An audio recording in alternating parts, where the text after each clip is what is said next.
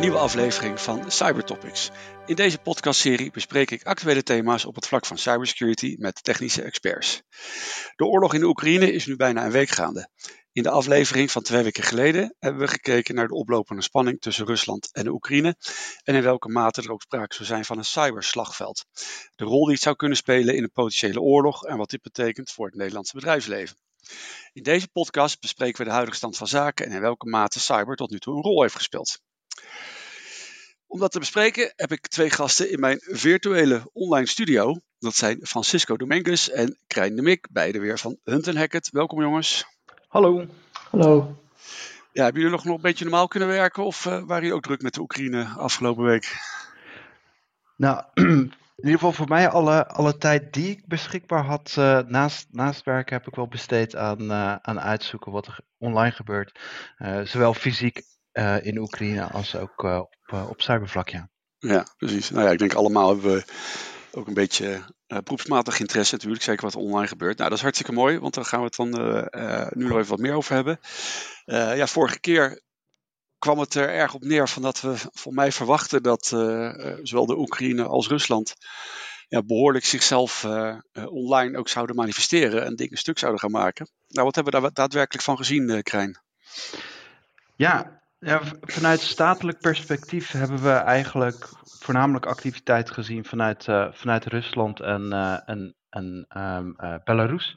Um, Rusland heeft een aantal dingen gedaan. Die, die zijn eigenlijk al redelijk vroeg in het proces al begonnen. In januari zag je dat, uh, dat er een eerste wiper was um, die ze uh, loslieten bij financiële instellingen als overheidsinstellingen. En eigenlijk ook kort voor het invallen of binnenvallen van Oekraïne kwamen uh, EZ en Symantec ook met, met het bericht dat ze een nieuwe wiper hadden geobserveerd. Ze hebben die de naam gegeven Herme Hermetic Wiper. En um, Eigenlijk wat dat, uh, wat dat stukje ja, wiper doet, is, is een klein stukje van de harde schijf overschrijven. En na een bepaalde tijd uh, zet hij de computer uit. En als je hem dan opstart, dan, uh, dan heb je vervolgens geen toegang meer. Um, dus dat is, dat is eigenlijk één ding die we hebben gezien ja. vanuit Rusland. En ook wederom weer geri gericht op, op overheidsinstanties, maar ook weer op, op financiële instellingen. En wat, wat voor um, impact had dat uiteindelijk dan? Um, nou, waar Symantec en ESET gaven aan dat ze een aantal honderden systemen hebben gezien waar die wiper op actief is geweest. Dus die, mm -hmm. die systemen die zullen in ieder geval niet meer bereikbaar zijn geweest. Nee, maar zijn de hele banken heb, onderuit gegaan uiteindelijk dan daardoor? Nee, ik heb eigenlijk niks gelezen over een significante impact op de desbetreffende organisaties. Uh, nee. nee. Mis, mislukte actie dan van ze? Um, ja, ja, het, het, voelt een beetje aan als, uh, als, als de hele oorlog die nu tot nu toe heeft plaatsgevonden ja. in Oekraïne, waarbij, waarbij er eigenlijk um, ja, het, het, relatief beperkt ja. is wat, wat de uiteindelijke ja. impact is geweest. Of uh, misschien ook uh, ja, ouderwets onderschat, hè? Want dat, dat, de analogie die Krijn maakt natuurlijk met de, de rest van de oorlog, die ook wat in het begin in ieder geval minder voldeed aan de verwachtingen die men had van het machtige Rusland. Dat zie je op, op cybervlak terugkomen. Uh, en je ziet nu veel later, een paar weken later, en dan weet niet of Klein dat ook zo uh, ziet, zie je natuurlijk wel dat nu niet alleen Oekraïne, maar de rest van de wereld plotseling meedoet met uh, hacken. Vallen een hoop doelen ineens wel al als potjes bij elkaar om. Dus dan, of het allemaal waar is, is moeilijk. Want de informatieoorlog is ook natuurlijk gaande en een hoop moment. Maar je ziet wel een hoop nieuwsgeving over uh, banken en instellingen die gehackt worden, berichtjes in de metro uh, van Rusland en dat soort zaken. Dus um, kan maar wel dat, dat, waren, dat, dat, waren waarschijnlijk geen statelijke actoren. Hè? De... Er waren geen statelijke actoren. Nee. nee. Maar goed, daar, daar, komen we zo nog eventjes op, want dat is natuurlijk een interessant aspect dat uh, Jan allemaal maar meedoet met deze oorlog. Ja, ja. ja en wat je daarnaast hebt gezien naast die Viper, die dus eigenlijk uh, vooralsnog weinig impact lijkt te hebben gehad op, op organisaties in Oekraïne, um, zijn toch ook wel weer veel DDoS-aanvallen bij het begin van de inval. Um, in tegenstelling tot de Viper, die niet officieel geattribueerd is aan uh, uh, Rusland, maar waarvan wel het vermoeden is dat het Rusland is, zijn de DDoS-aanvallen wel door Amerika en Engeland geattribueerd aan, aan Rusland. Uh, oh ja. En zij gaven aan dat de GRU erachter zat, dus de militaire inlichting en veiligheidsdienst van, uh, van Rusland. En, uh, en, ja, ook die DDoS-aanvallen waren weer gericht op, op banken en, en overheidsinstanties. Ja, Dat is toch vreemd, hè? want uiteindelijk verwacht je toch dat ze, als je zo'n land invalt, ehm, dat je eigenlijk wil zorgen dat ja, de mensen in de Oekraïne gewoon geen communicatie meer hebben. Uh, dat helpt namelijk echt als je naar binnen gaat. Dan valt er ook niks te mobiliseren. Wij zien nu steeds filmpjes van Zelensky waarin hij van alles heeft opgeroepen bij Jan, bij, om iedereen om mee te doen. Ja, als hij had, niet had kunnen, uh, zijn filmpjes kunnen, had kunnen verspreiden, dan was het allemaal niet gelukt. Nee, dat uh, klopt inderdaad. Maar dat is ook wel heel lastig om voor elkaar te krijgen. Um, dus je ziet allerlei potentiële pogingen daarin. Dus er wordt heel kort werd een BGP-hijack genoemd, maar dat blijkt uiteindelijk misschien een, een, foutje te zijn. Dus als de technische term voor het kunnen uh, onderscheppen van het verkeer van een uh, heel land, heel kortere bocht. Uh, ja. Technisch gaat het maar om een deel van het verkeer en er zit nog wat meer achter, maar in principe heeft het de potentie om heel veel te kunnen onderscheppen, om te buigen of het verkeer te stoppen. Um, maar je kan niet zomaar een aan-uit switch voor een land aanklikken of indrukken. Um, en dat zag je bijvoorbeeld ook bij uh, de, de uh, potentiële coup in Turkije een uh, wat jaartjes geleden. Dat zodra Erdogan een telefoon in zijn handen kreeg en een oproep kon doen via het internet, toen keerde het tij weer. Dus internet in een land afsluiten is heel lastig, want je hebt gewoon heel veel instanties en plekken die verbinding kunnen maken. Um, en bij de Oekraïne zie je natuurlijk ook dat ze om hulp roepen en dat Elon Musk ze dan allerlei satellietzaken doet toekomen. Uh, dus ja, dan moet je ja, dat, is best wel heel netjes, hè, wat, wat ja. uh, Elon voor elkaar heeft gekregen. Vertel eens wat meer over. Ja, ik ben er niet helemaal objectief. Ik ben zelf nou wel een, een fan van uh, Elon Musk, het technologiegedeelte, niet hoe die af en toe met zijn arbeiders omgaat. ja. um, maar Elon Musk die is bezig om een eigen internetnetwerk aan te leggen met satellieten rondom de wereld. Daarvoor moeten er flink wat de lucht in. En inmiddels lijkt hij voldoende te hebben dat hij best wel dekking heeft op de wereld. Dus um, met wat apparatuur van Elon Musk, dus een schoteltje uh, en het op de juiste plek richten, heb je eigenlijk uh, internet. Uh, ja, ik, heb, dan... ik heb het thuis in Den Haag. Hè. Het werkt als een speer. Het kost 100 dollar per maand. En ik, heb, ik heb geloof ik 500 megabit down en 200 megabit up. Ja, dat, vooral, dat, vooral die upload speed, dat lukt met Ziggo nooit, nooit zo makkelijk. Maar dit gaat wel heel goed. Ja, moet je je voorstellen als in Oekraïne 100 of 200 mensen zo'n zo'n setup hebben. Dan moeten ja. ze individueel uitschakelen. Of Rusland zou de spierballen moeten laten flexen om de satelliet uit de lucht te halen. Ja, maar het zijn er heel veel ook weer. Hè? Dat is misschien ja. ook wel wat complexer om dat uh, te, te, stoppen uiteindelijk dan. Ja, maar wat, wat, heeft hij nou, wat heeft hij nou specifiek moeten doen zodat de Oekraïne van Starlink gebruik kon maken? Heb ik niet heel makkelijk uh, kunnen achterhalen. Het, uh, hij twitterde dat, die, dat, dat het mogelijk was. Dus ik weet niet of dat een, een configuratie of een dekkingsgebied of iets in die trant zou moeten betreffen. En voornamelijk het fysiek um, doen toekomen van, uh, dat dat van de receiver units naar de mensen in de Oekraïne. Daar zag ik ja, ook ja. wel wat foto's op uh, Twitter met een container vol ja, van die dingen. Volgens mij zijn die vandaag ook aangekomen in, uh, in Oekraïne. Die, ja. Dat betekent ook wel dat, dat ondanks het feit dat, dat Starlink daar vervolgens dekking heeft, dat, dat die, die hardware wel heel strategisch waarschijnlijk ingezet zal worden voor, voor hele cruciale nou, personen binnendoor bijvoorbeeld de overheid, zodat die wel gewoon kunnen blijven communiceren, ondanks dat de internetverbinding er, eruit ligt. Maar voor de reguliere burger in Oekraïne zal het waarschijnlijk uh, minder, uh, ja, zal het minder door gebruikt worden. Maar het zou wel handig zijn als Zelensky uh, zo'n setje krijgt, hè? Ja, dat denk ik wel, ja. ja, ja. Die zal er erg content mee zijn. Ik zou alleen wel zelf bang zijn, want uh, nou, we hebben natuurlijk ook gezien in Afghanistan en zo, in Irak, dat als je daar met een satelliettelefoon rondloopt, dat er nog wel redelijk goed uh, te pinpointen was waar iemand uithing. Ja, precies. Met, uh, met mogelijk een, uh, een raketaanval tot, uh, tot gevolg op die specifieke locatie. Ja. Precies, die drone die weet ook zijn weg dan uiteindelijk. Ja. Ja, nou ja. wederom iets waar Rusland niet, hoe zeg je dat? Het, het machtige Rusland laat, laat zien. Ik ben er geen expert, dus ik volg wat mensen die er een stuk meer van af weten dan ik zelf. Maar uh, um, in Europa hadden we veel meer uh, warfare verwacht op, op dat gebied en ook op jammen en dat soort zaken. Um, maar je ziet nu juist op online voorbij komen dat ze, sommige van de troepen aan het terugschakelen zijn naar onversleutelde um, non-military grade communicatieapparatuur die heel makkelijk af te luisteren en te tappen is. dus dat, ja, dat is dat dan wel weer bijzonder, want de capability bestaat wel, schijnt. Ja. Hey, Krijn, zei het voor mij net ook dat behalve Rusland, Wit-Rusland, Belarus, ook uh, bezig is geweest, hè? Ja, klopt, ja. ja. Um, en, en eigenlijk is daar, er is ook niet heel veel per se van gezien of, of iets wat, wat heel erg impactvol is geweest. Maar uh, wat wel geobserveerd is door een aantal andere security partijen, is dat um, een, een specifiek groepje die, die ook wel eens de naam Ghostwriter krijgt, of um, wat complexere naam UNC 1151, dat die um, um, nou ja, militaire um, speervisten, dus, uh, dus mailtjes stuurden om vervolgens hun credentials uh, te bemachtigen, om zodoende dan ook vervolgens in te kunnen loggen op hun, uh, op hun privémail. En, en wat het precieze doel daarvan was, van, van die campagne, is onduidelijk, afgezien van dat ze toegang tot, tot die e-mail wilden.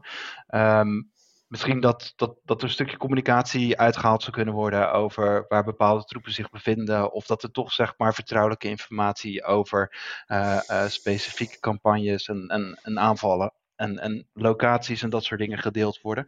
En dat dat uiteindelijk het doel was. Maar meer dan dat is op dit moment uh, niet duidelijk. Maar dat is eigenlijk, ja, denk ik, samen met, met die twee andere zaken die ik net noemde. Van DDoS aanvallen, Viper en die spearfishing aanval um, eigenlijk wel de meest belangrijkste zaken die gezien zijn vanuit Rusland en, uh, en Belarus. Ja.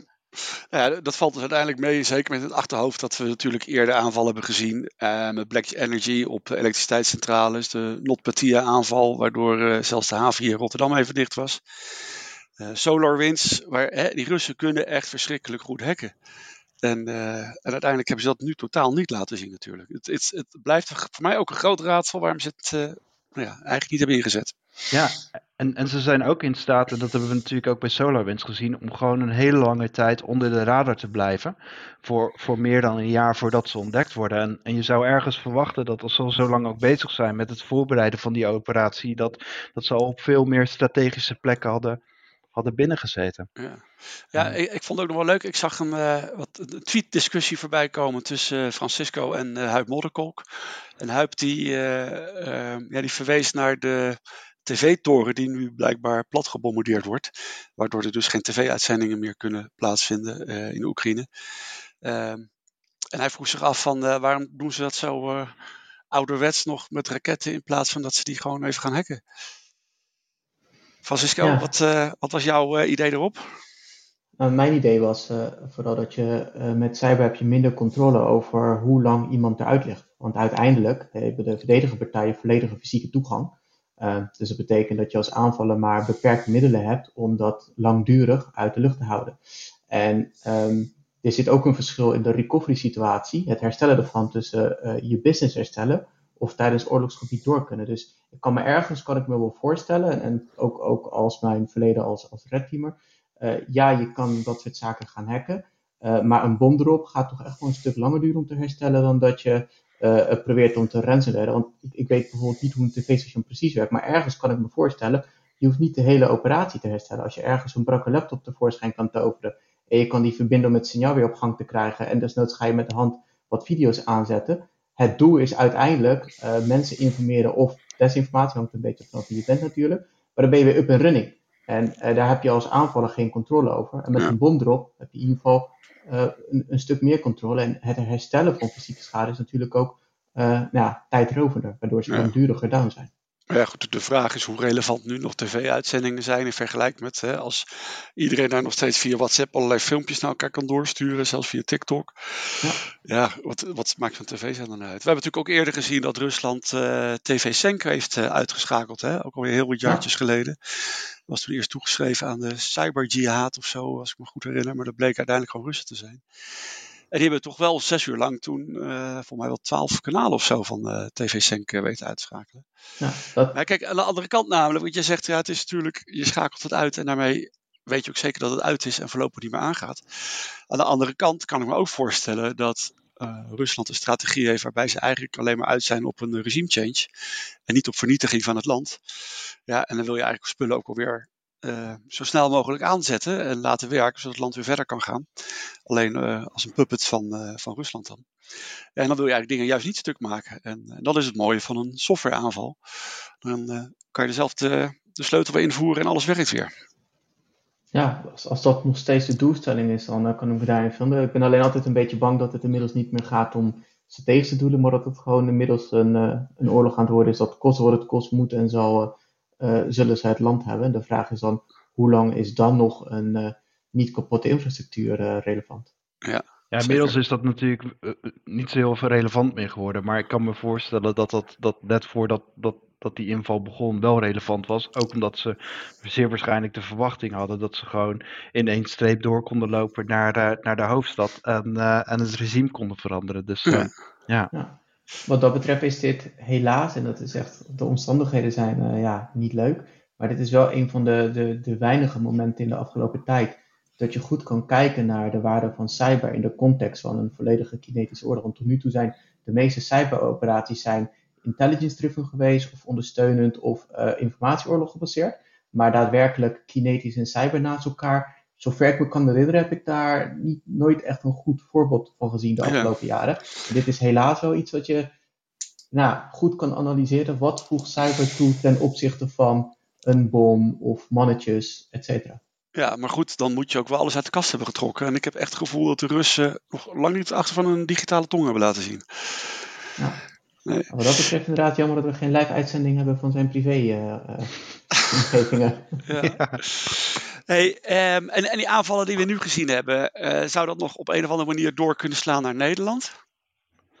Ja, ja je ziet dat mensen zich um, druk maken ook een beetje over die Viper. En, en, en, en dat snap ik ergens wel, want dat komt omdat we in 2017 natuurlijk Not, not uh, Petja hebben gezien. En, uh, en jij noemde dat ook al net, uh, net Ronald, die, um, die, die Not Petja ransomware. En die was heel erg impactvol. Ik zeg altijd Not um, Petja geloof ik. Of Not Petja, ja. maar, maar, maar ik, ja, ik, ik, weet het niet. Ik, ik weet ook niet wat, wat de exacte uitspraak nee. is of, of hoe je het moet uitspreken. Maar, ehm, maar in ieder geval Not, not, not Petia, die, die, die, ja, ik ga het nu toch gewoon zeggen. Uh, conformeer me een beetje. Maar, uh, maar, die, maar die was eigenlijk heel erg impactvol um, vanwege twee redenen. Enerzijds omdat er sprake was van een supply chain attack. Dus, dus wat, um, en overigens, Not Petia is ook geattribueerd aan, uh, aan Rusland. Er zijn ook een aantal Russen voor aangeklaagd in, in de afgelopen jaren. Ja. Um, maar, maar die, wat de Russen hebben gedaan destijds is dat ze een uh, uh, softwarebedrijf in Oekraïne hebben gehackt die accounting software maakte, die gebruikt wordt door heel veel bedrijven in Oekraïne. Um, en door het hacken van die, dat softwarebedrijf en het aanpassen van een software konden ze eigenlijk op een hele slimme en snelle manier gecentraliseerd Um, ervoor zorgen dat, dat al die bedrijven die, die klant bij, bij, bij dat bedrijf waren, dat die vervolgens die wiper op een computer kregen. Ja, dat ging gewoon via een update-mechanisme. Hè? Ja, precies, ja. ja. ja. Um, dus dat was zeg maar wel een slimme truc om gewoon grootschalig eigenlijk al die ransomware uit te rollen. Plus, wat je toen ook had, is dat um, uh, Eternal Blue een, uh, een, een, een, hele specifieke kwetsbaarheid, waar heel veel organisaties nog geen patch voor hadden, um, ook gebruikt werd door door, door die Viper.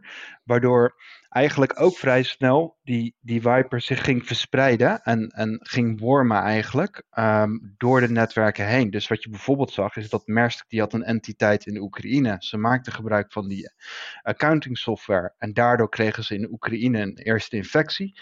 Maar vervolgens ging, ging dat zich verder verspreiden naar de andere netwerken van, van, van Maersk. En daardoor is het ook bijvoorbeeld in, in de Rotterdamse haven uiteindelijk geëindigd. En dat zijn eigenlijk twee eigenschappen van, van NotPetya die destijds NotPetya heel impactvol maakte. Um, maar waar de huidige Vipers vooralsnog niet over lijken te beschikken. Um, en om die reden denk ik ook dat, dat het weliswaar belangrijk is om alert te zijn. Maar verwacht ik niet, zeg maar, dat op, in ieder geval niet nu, um, dat de impact daarvan heel groot gaat zijn uh, of kunnen zijn op, uh, op Nederland. Maar ik dacht nu juist ook gezien te hebben dat hij nu ook ging wormen.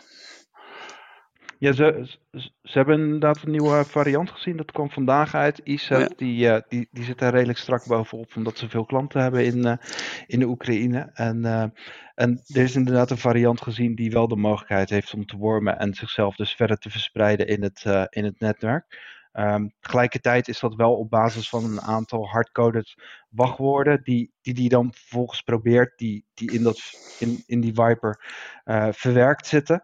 Um, en dat is toch maar minder krachtig dan de Zero Day, uh, of althans bijna Zero Day, die Eternal Blue toen nog was. Waardoor ja, je precies. toegang tot elk computer kreeg. Ja, ja. Dus, dus in Nederland hoeven we uiteindelijk niet heel veel te verwachten van die Viper op zijn minst.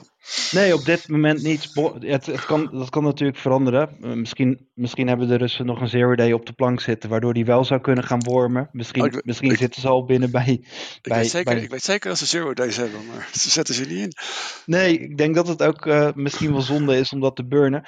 En misschien hebben ze ook wel geleerd van, um, van, uh, van de NotPetya-situatie. Want, want ik kan me voorstellen dat, dat ook, ook Rusland destijds um, wel heel veel impact wilde maken op Oekraïne, maar niet per se impact op de rest van de wereld, want dan krijg je ja, ja. uiteindelijk alleen maar gezeik mee. Nou, zeker ja. ja dan uh, is het opeens een uh, artikel 5 misschien wel, hè?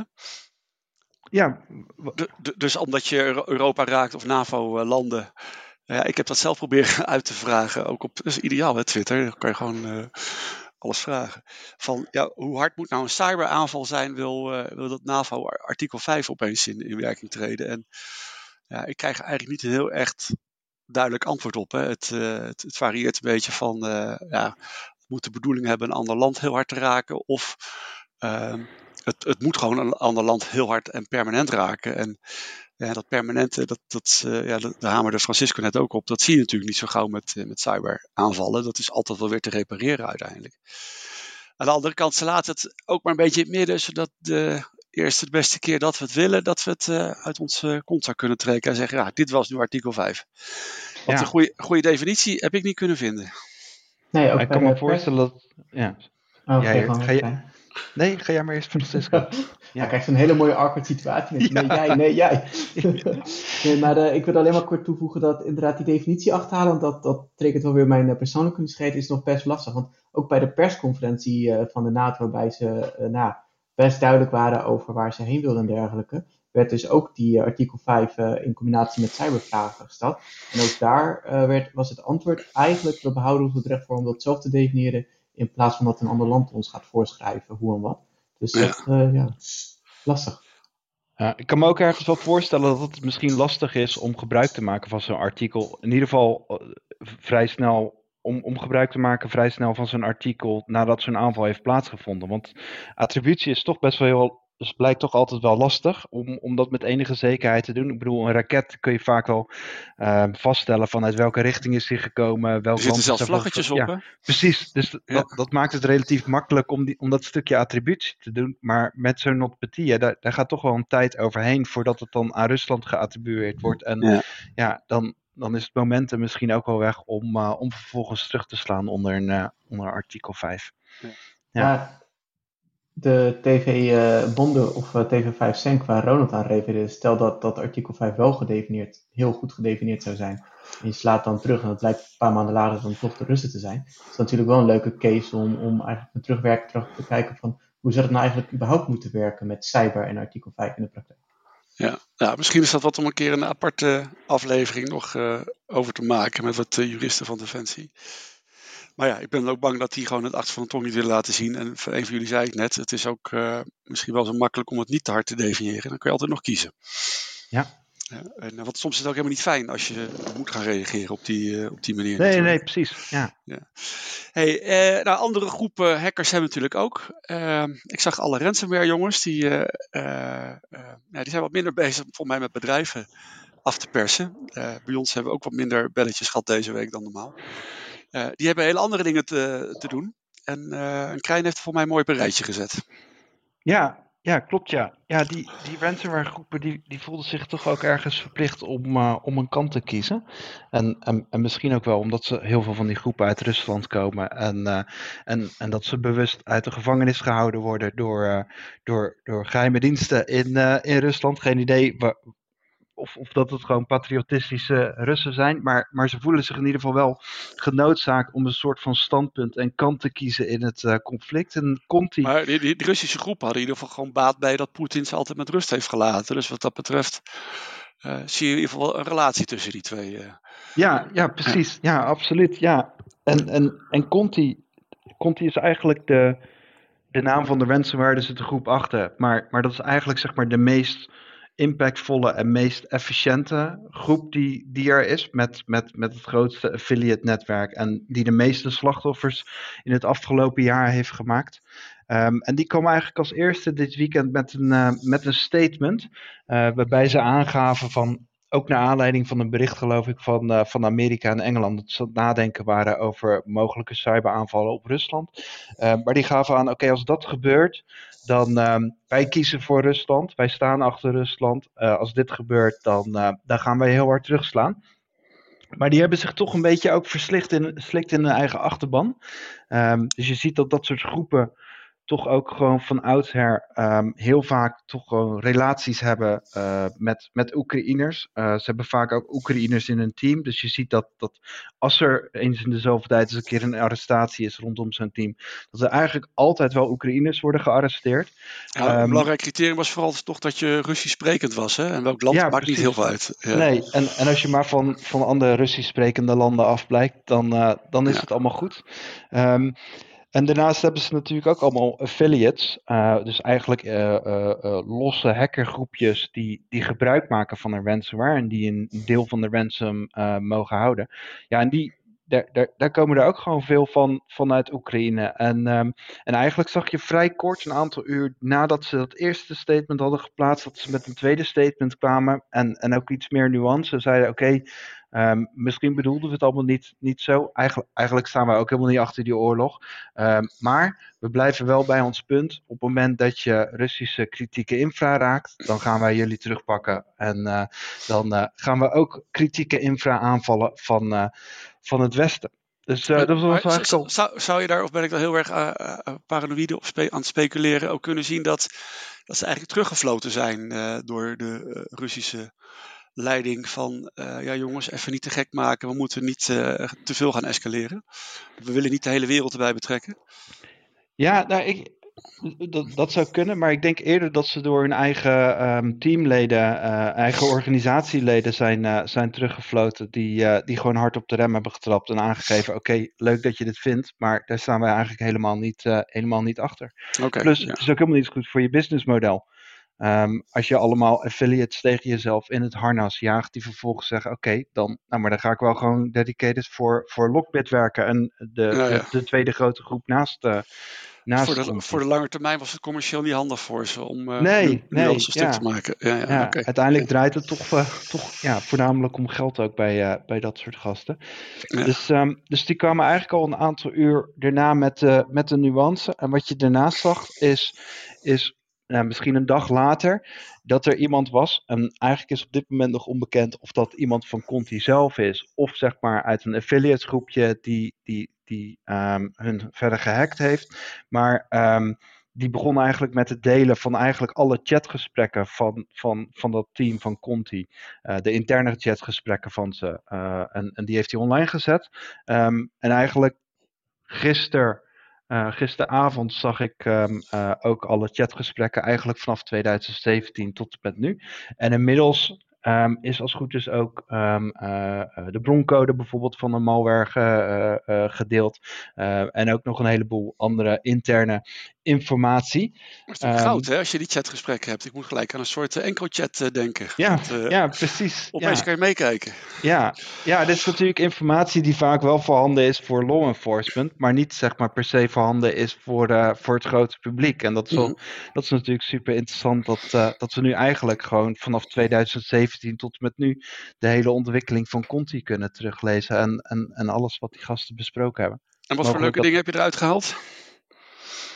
Nou, een paar dingen. Eén, één ding is bijvoorbeeld dat, um, dat gevraagd wordt om, uh, um, uh, wat naar het schijnt, hebben ze dus toegang gehad tot een mailbox van, uh, van een Bellingcat-onderzoeker. een onderzoekerscollectief, ik weet niet of ik dat zo goed zeg, maar... Ja, is goed. Um, ja. ja.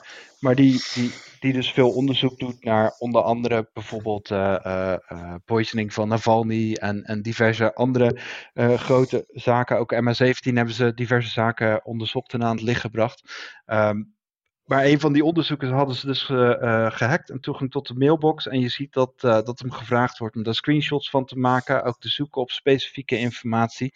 Omdat, omdat de baas om die informatie vraagt. Waardoor het eigenlijk, nou ja, dat is in ieder geval de aannames die er nu zijn, dat, dat er dus ook wel degelijk linkjes zijn met, uh, met de Russische geheime dienst, die, uh, die hun af en toe tast met, met hele specifieke zaken om, om uit te zoeken van, uh, om, om dit soort informatie eigenlijk boven water te halen. Ja, ja want Bellingcat hacken heeft natuurlijk niks met ransomware te maken. Dat heeft alleen maar nee. een inlichting doel uiteindelijk. Ja, ja precies. Ja. Um, uh, nog andere mooie dingen? Want als je zo lang zoveel communicatie hebt. Ja, ja je, zag bijvoorbeeld een journalist die, uh, die bij hun op, uh, op de lijn kwam en aangaf van um, nou, ik, um, ik, ik, ik zou voor 5% van, uh, van het losgeldbedrag wat jullie vragen wel wat extra druk opleggen, willen leggen bij, bij de slachtoffers die jullie gemaakt hebben. Dus als je de naam met mij deelt, dan neem ik contact met ze op, geef ik aan dat ik een, uh, een nieuwsbericht over ze schrijf. En misschien helpt dat wel om, uh, om, om uiteindelijk die betaling te versnellen of überhaupt over te gaan tot. ja, want die bedrijven proberen het meestal geheim te houden natuurlijk, dat ze afgeperst worden. Dat, ja, precies. Ja. Ja, die zit, die, die zit er helemaal, helemaal niet op te wachten dat er opeens een journalist uh, naast alle andere chaos die er vaak al is in zo'n organisatie contact met hen opneemt. Dus, uh, en die journalist ja. zou 5% hebben dan? Ja, 5% inderdaad. Ja. Dat is wel smerig. Ja, ja, Francisco?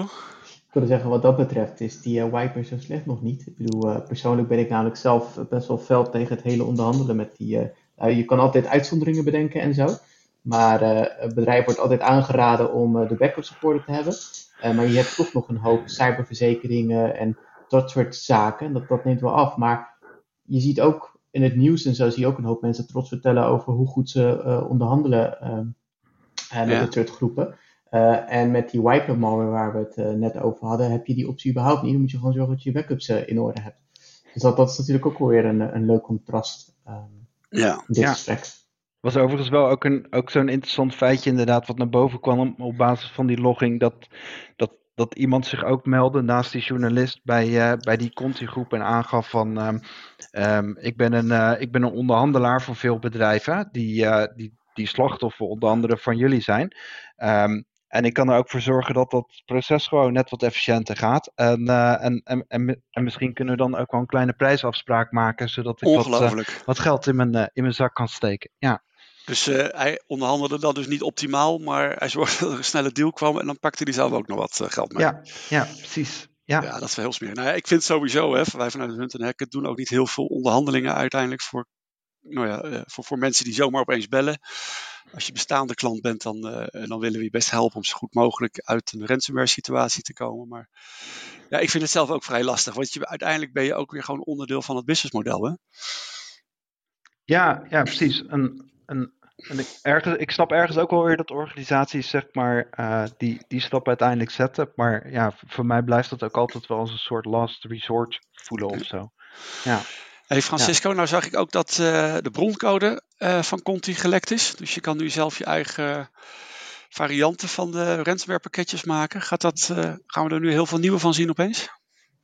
Blijft lastig om te zeggen. vooral op dit moment natuurlijk, hè, want iedereen is, is een, een kant aan het kiezen. Uh, maar aan het begin van de inzamelingsacties, dus, dus vrij snel zijn allerlei inzamelingsacties op gang gekomen om geld in te zamelen dat je kan doneren en dergelijke. Um, en toen zag je al dat de eerste scammers ook al opereerden en uit naam van Oekraïne en het goede doel probeerden om mensen geld uh, af te troggelen. Dus als je het vanuit dat perspectief bekijkt, het feit dat die code nu beschikbaar is, zet niet per se, um, maakt het niet per se makkelijker of zo. Um, want er zijn een hoop, een hoop manieren waarop je bedrijven kan uh, binnendringen en, en ja, de meeste trucken zijn wel bekend. Maar het kan er wel voor zorgen dat uh, sommige groeperingen denken, nou, ik uh, twijfel altijd of wij dit zouden kunnen. En uh, ze zagen er misschien tegenop om het ander te ontwikkelen. En ze kunnen nu wel een kijkje in de keuken kijken, krijgen en inderdaad hun eigen variant maken met een kleine aanpassing, wat naamsveranderingen en dergelijke. Ja. Um, dus het, de kans wordt iets groter. Um, maar dat, dat zou niet impact moeten, dat heeft niet zo heel veel impact op hoe bedrijven zich nog steeds dienen te verdedigen. Oké. Okay. Krijn, nog uh, andere zaken die, uh, die opgevallen zijn? Ja, ja, nog heel kort eventjes over die ransomware groepjes. Je ziet dus dat ja. naast Conti, dat die andere groepen, die, die, die kiezen volgens eigenlijk precies de andere kant dan, uh, dan, dan, dan Conti heeft gekozen. Dus die, die, die ge geven aan, wij doen afstand van whatever Conti heeft gezegd. En wij zijn aan politiek. Ons gaat het echt alleen om het geld. En, uh, en Black Cat bijvoorbeeld. ja, ook, ook eerlijk van... voor criminelen. Ja, ja, ja, is totaal niet uh, business gedreven natuurlijk. Nee. Um, en, en een van de groepen die, die, we natuurlijk, die wij in december ook tegenkwamen, uh, Black Cat, een, een, relatief nieuwe groep, uh, waar we een incident response case op, uh, op hebben gedraaid, die, die gaf zelfs aan extremely saddened te zijn vanwege de oorlog in, in Oekraïne. Dus, dus redelijk dramatische statements, maar de, maar de meeste andere groepen die, die geven dus juist aan, wij zijn apolitiek en, en we kiezen voor, voor het geld. Ja, um, ja en, um, en verder, ja, een van de dingen die me opviel is um, daar waar zeg maar de, de aanvallen vanuit statelijke aanval, uh, uh, actoren uh, me eigenlijk een beetje tegenvielen of, of, of nou, niet zo grootschalig en impactvol waren als verwacht, zie je dus juist wel dat er heel veel crowdsourced acties zijn vanuit diverse groepen en, en eigenlijk juist heel decentraal en niet niet per se gerelateerd direct aan, aan overheidsacties. dus we hebben Anonymous bijvoorbeeld uh, uh, heel veel gezien die, die DDoS-aanvallen hebben uitgevoerd, onder andere op Russische overheidswebsites, van onder andere Kremlin, het ministerie van Defensie, uh, maar ook diverse financiële instellingen, de Russische Centrale Bank die, die, die gededos werd, maar ook diverse staatsmedia zoals Russia Today en, en, nog een aantal andere. Um, ja, die heel actief eigenlijk bezig zijn met, uh, met, uh, met DDoS'en, maar ook zeg mhm. maar daadwerkelijk wel inbreken op, uh, op systemen. En het is, het is, lastig om in te schatten wat er nu altijd waar van is. Je ziet wel af en toe wat screenshots voorbij komen en dan geeft ze aan ergens binnen te zitten. Um, maar in ieder geval gaven, hebben ze aangegeven dat ze een database hebben gehackt van het ministerie van Defensie, van, van de Russische Defensie. Uh, maar ook bijvoorbeeld een televisiestation zouden hebben gehackt, waar in ieder geval kortstondig patriotistische liedjes en, en, en beelden van de oorlog uh, uh, en het conflict in, in Oekraïne werden afgespeeld. Um, ja, dus dat, dat zie je eigenlijk vanuit, uh, vanuit, vanuit Anonymous, die blijkbaar echt wel een redelijk grote uh, achterban heeft en die heel actief is op, uh, op dat vlak. Ja. Maar ja, goed, ook digitaal is Rusland ook nog niet helemaal lam gelegd. Het is natuurlijk ook niet zo'n zo'n gedigitaliseerd land als, als wij hier in Nederland zijn. Hè? En soms heeft het ook wel wat voordelen als je nog wat ouderwetse energiecentrales hebt bijvoorbeeld. Ja, ja precies. Ja, Hey, uh, en dan vind ik er nog heel erg boeiend is een, een stukje van de minister van IT of de minister van Digitale Zaken in, in de Oekraïne. Die heeft ook een bijzondere oproep gedaan. Hè? Ja, ja, klopt. Die, uh, die, die, die heeft een of ander Telegram-kanaal opgezet en, en aangegeven van, dat iedereen in principe de Ukrainian IT Army kan, kan joinen. Dus iedereen kan in principe naar dat Telegram-kanaal toe gaan en de laatste keer dat ik keek, zat het zo tussen de 240 en 250.000 uh, subscribers. Dat is echt wel um, veel, hè? Ja, dat is echt super. Ja, dat is echt mega veel, inderdaad. En ik zit er zelf ook in. Ook, ook Jij hilarisch, ook? Oh, ja, ik ook. Ja. Hilarisch natuurlijk dat Telegram eigenlijk weer gemaakt is door twee Russen ooit. Hè? Ja, ja, ja. precies. Ja. En Oekraïne gaat het gebruiken. Maar goed. Maar het werkt allemaal technisch heel goed met de Telegram. Ja, zeker. Ja, absoluut. Ja, en, en, ja. en het is ik weet niet hoe effectief het nu uiteindelijk is. Het is natuurlijk een grote groep met, met mensen. Er zitten ook gewoon heel veel mensen een beetje informatie te lurken. Want die willen gewoon weten wat gebeurt er nu eigenlijk in, in zo'n kanaal. En je ziet wel dat er gewoon dat er opgeroepen wordt voor, voor tot, tot DDoS aanvallen. Je ziet ook af en toe van die status updates voorbij komen. Maar is het nou eh, verstandig als er gewoon Nederlanders, uh, Nederlandse hackers denken. Oh, dat vind ik ook wel leuk. En uh, ik ben natuurlijk voor Oekraïne. Dus ik ga eens kijken wat ik in Rusland allemaal plat kan gooien. Um, ja, Lastig. goede vraag.